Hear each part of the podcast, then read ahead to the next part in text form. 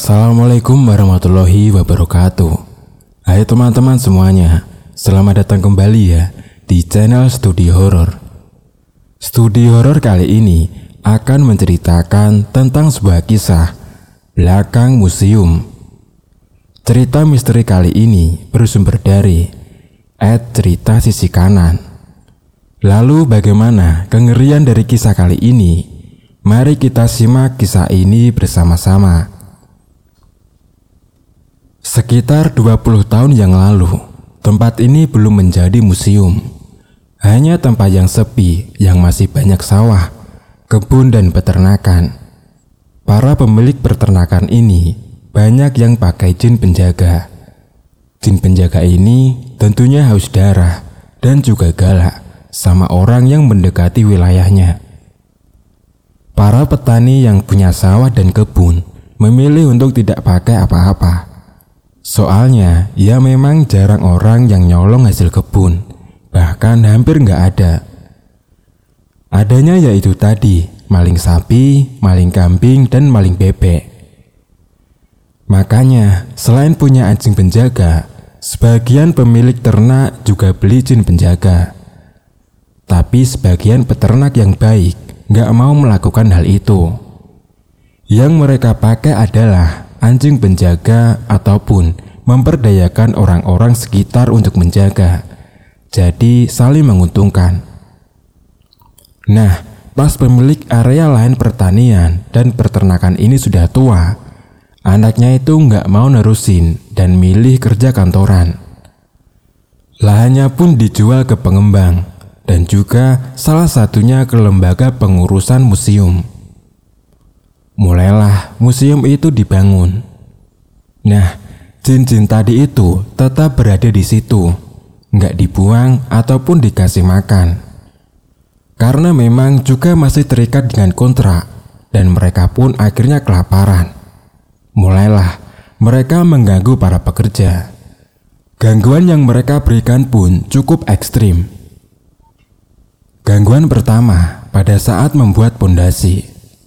Area yang mau dibangun museum itu banyak ditumbuhi alang-alang dan ada satu bekas kandang bebek juga.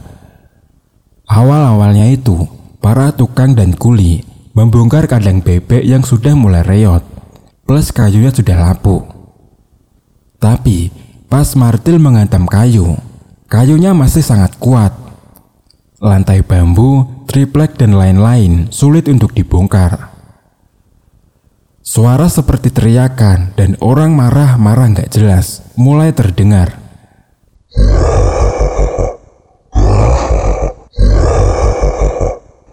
Suara itu semakin lama semakin seperti suara teriakan. Suara teriakan seorang perempuan yang rumahnya akan digusur paksa. Semua orang pun serentak menghentikan pembongkaran itu.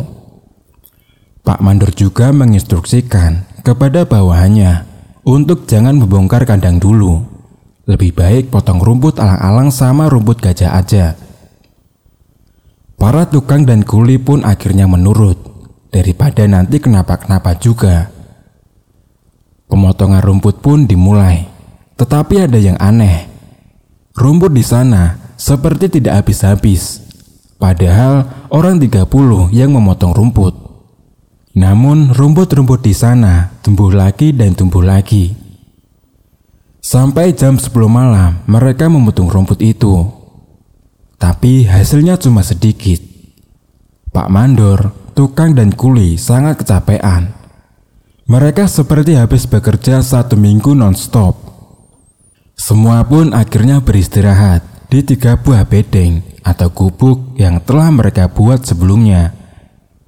Tapi malam itu mereka tidak tenang. Semua bedeng dilempari batu. Dan pas dilihat keluar, nggak ada apa-apa. Nah, pas jam satu malam, tiba-tiba ada angin yang kencang. Dan hampir saja rubuh itu gubuk. Mereka semua pun akhirnya menyingkir dari lokasi itu. Lalu numpang menginap di teras balai desa setempat. Pak pengawas dan para petinggi aman posisinya karena mereka tidur di hotel yang berada di tengah kota. Suasana tengah kota pun juga sepi sebenarnya. Soalnya, ini memang kota yang lumayan sepi penduduknya. Nah, malam itu pun kembali kondusif. Karena lokasi pembangunan pun jadi steril dan gak ada orang. Keesokan paginya pada debat tuh, ini pembangunan dilanjut apa enggak. Dan suara terbagi jadi dua. Ada yang memilih untuk melanjutkan, dan ada juga yang enggak. Semua yang mundur rela nggak dapat gaji karena memang sudah takut banget waktu itu. Akhirnya, sebagian pekerja memilih cabut dari daerah situ dan kembali ke kota besar rumah mereka. Sebagian ada yang masih bertahan di situ juga dan sebenarnya bimbang mau ikut pulang juga atau enggak. Tapi Pak Pengawas dan para petinggi proyek akhirnya sampai di lokasi dan menenangkan mereka. Semua pekerja yang masih bertahan dikasih uang kompensasi dan ditraktir juga makan enak. Hari itu pun kerja diputuskan libur dulu. Tapi ada beberapa petinggi yang mendatangi kiai di desa khusus untuk meminta solusi. Nah, sampailah para petinggi ini di rumah Pak Kiai. Setelah mereka mengucap salam, mereka pun dipersilakan untuk masuk. Mereka mengobrol-ngobrol sebentar dan akhirnya ada solusi dari Pak Kiai, yaitu membaca amalan. Juga mencari orang-orang asli situ untuk dijadikan pegawai. Akhirnya pekerjaan kembali dilanjutkan. Anehnya, pas sampai di lokasi, rumput yang tadinya sudah dipotong seperti tumbuh lagi. Bekas rumput yang dibakar seakan tidak ada lagi. Rumput-rumput tinggi itu kembali dipotong dan kali ini dengan menggunakan mesin. Sepuluh mesin pemotong rumput dan ditambah pekerja.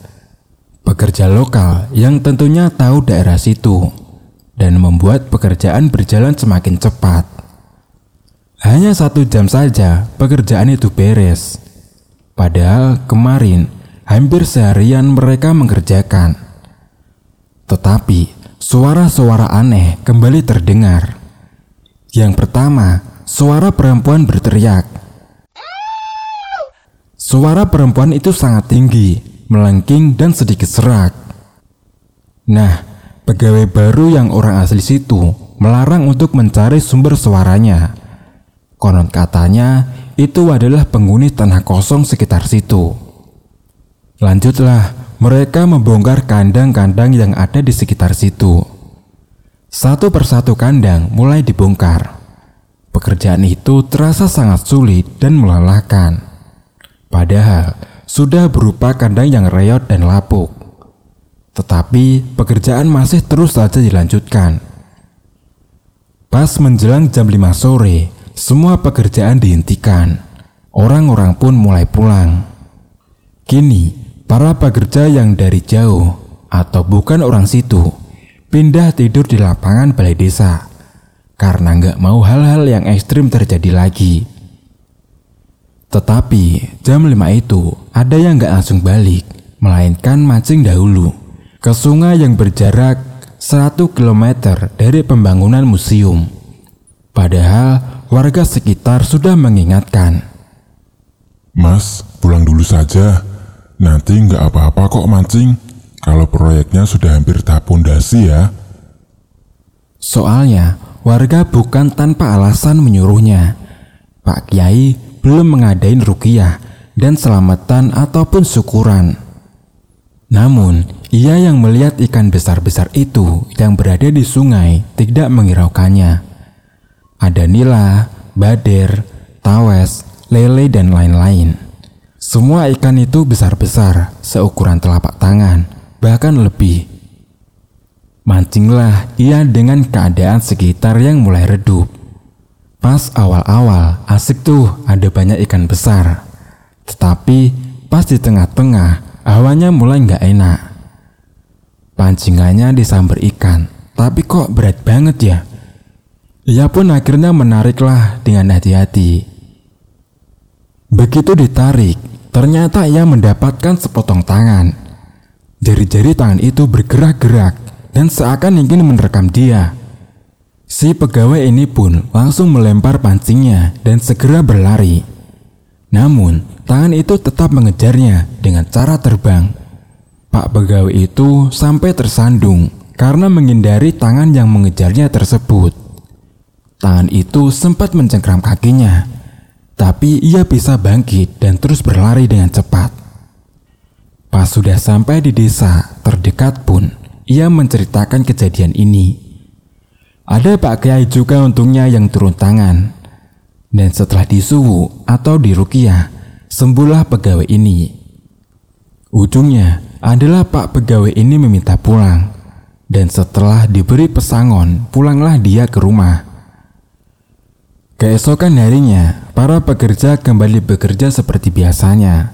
Semua pembangunan berjalan dengan lancar. Dan karena juga sudah di backup sama Pak Kiai, para pekerja pun hanya bekerja sampai jam 3 maksimal, lalu pulang. Setelah museum itu berdiri, museum tersebut cukup kondusif dan nyaman.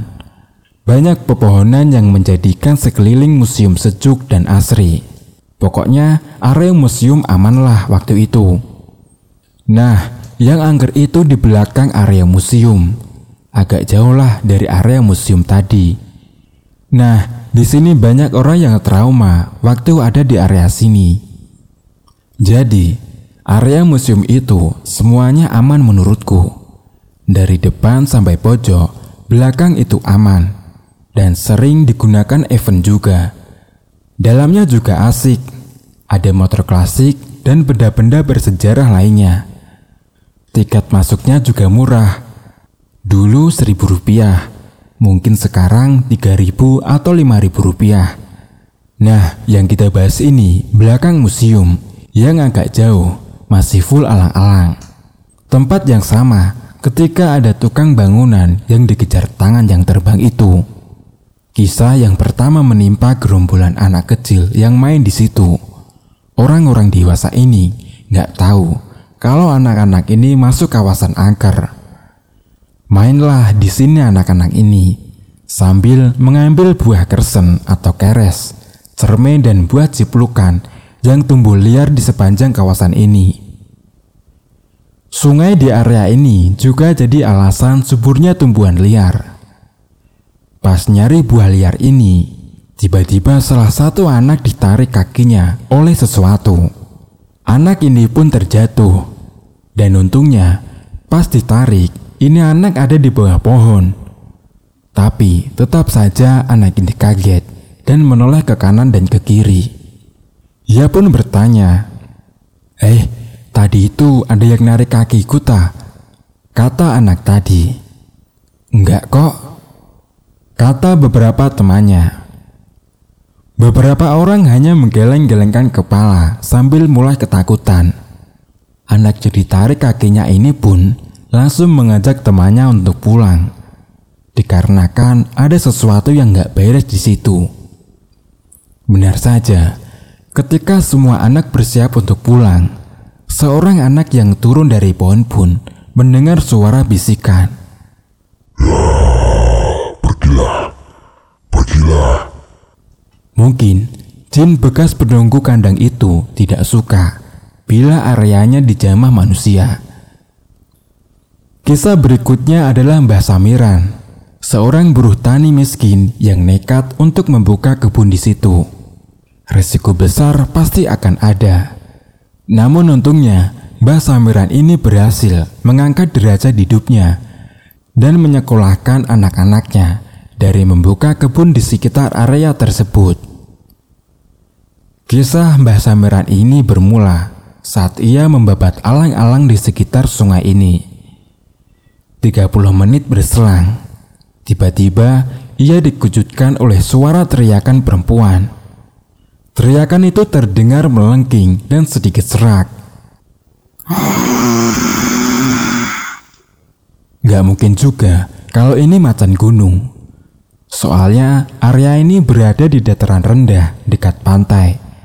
Sekitar 10 km lah pantainya kalau dari tempat itu.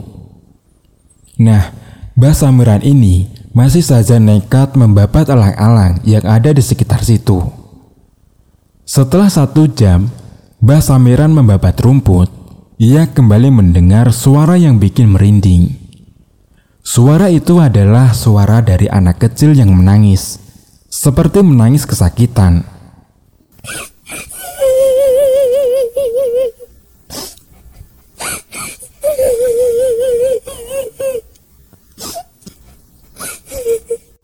Mbah Samiran langsung berpikir bahwa itu adalah hantu yang menghuni tempat itu. Ia lanjut saja membabat alang-alang liar yang ada di sana.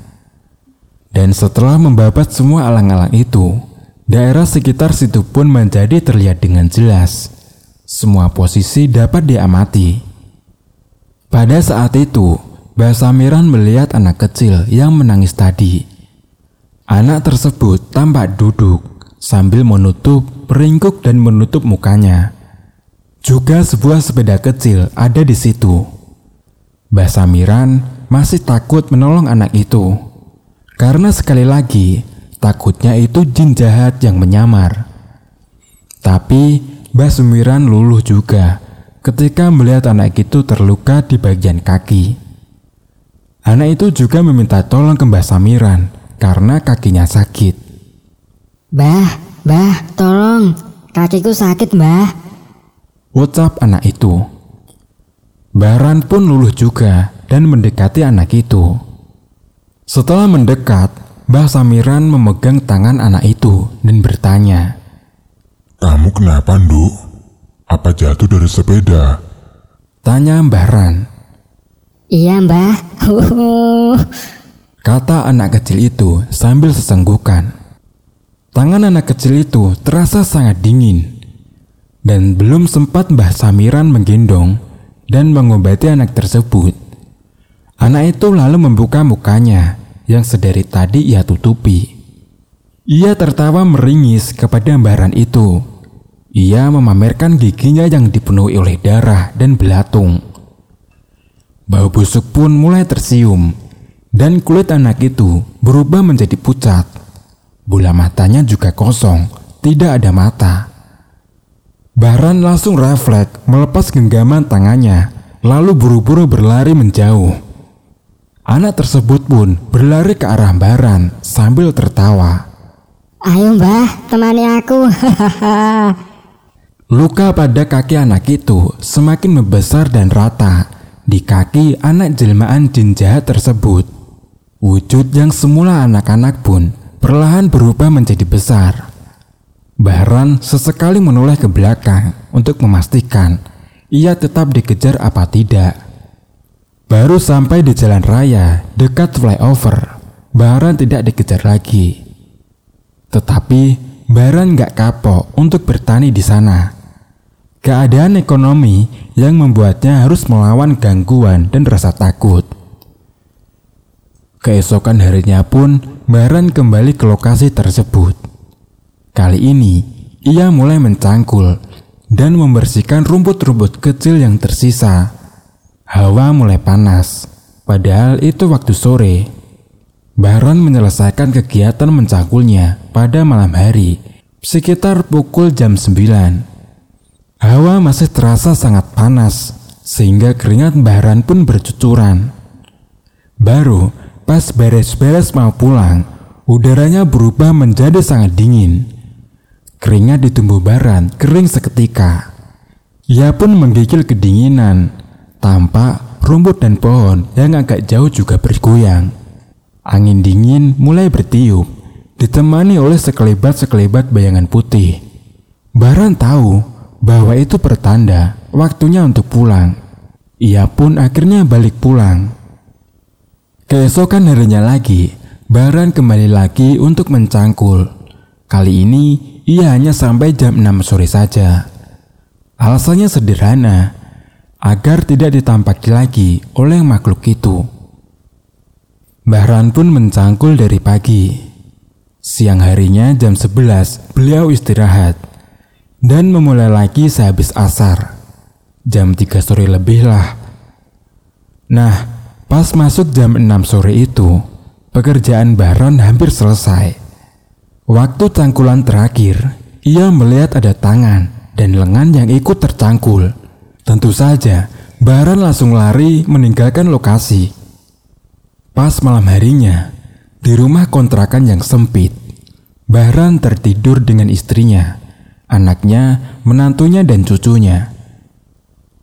Sekitar jam 11 malam, tiba-tiba cucunya terbangun dan menangis karena ia melihat tangan yang terbang.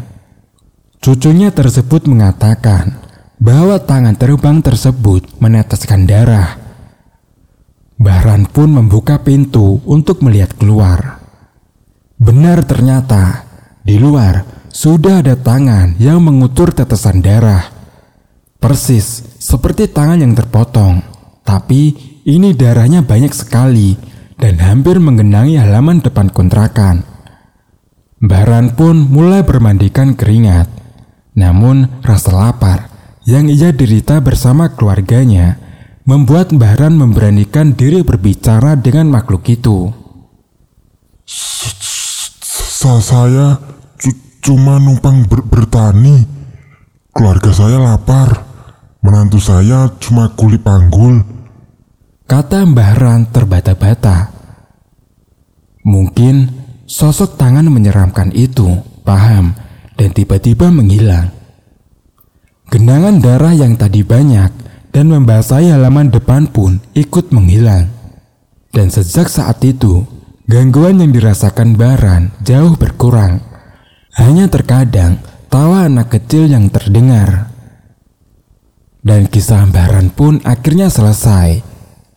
Oh iya, sejak adanya kisah ini, masih banyak juga orang yang uji nyali atau sekedar penelusuran di tempat itu.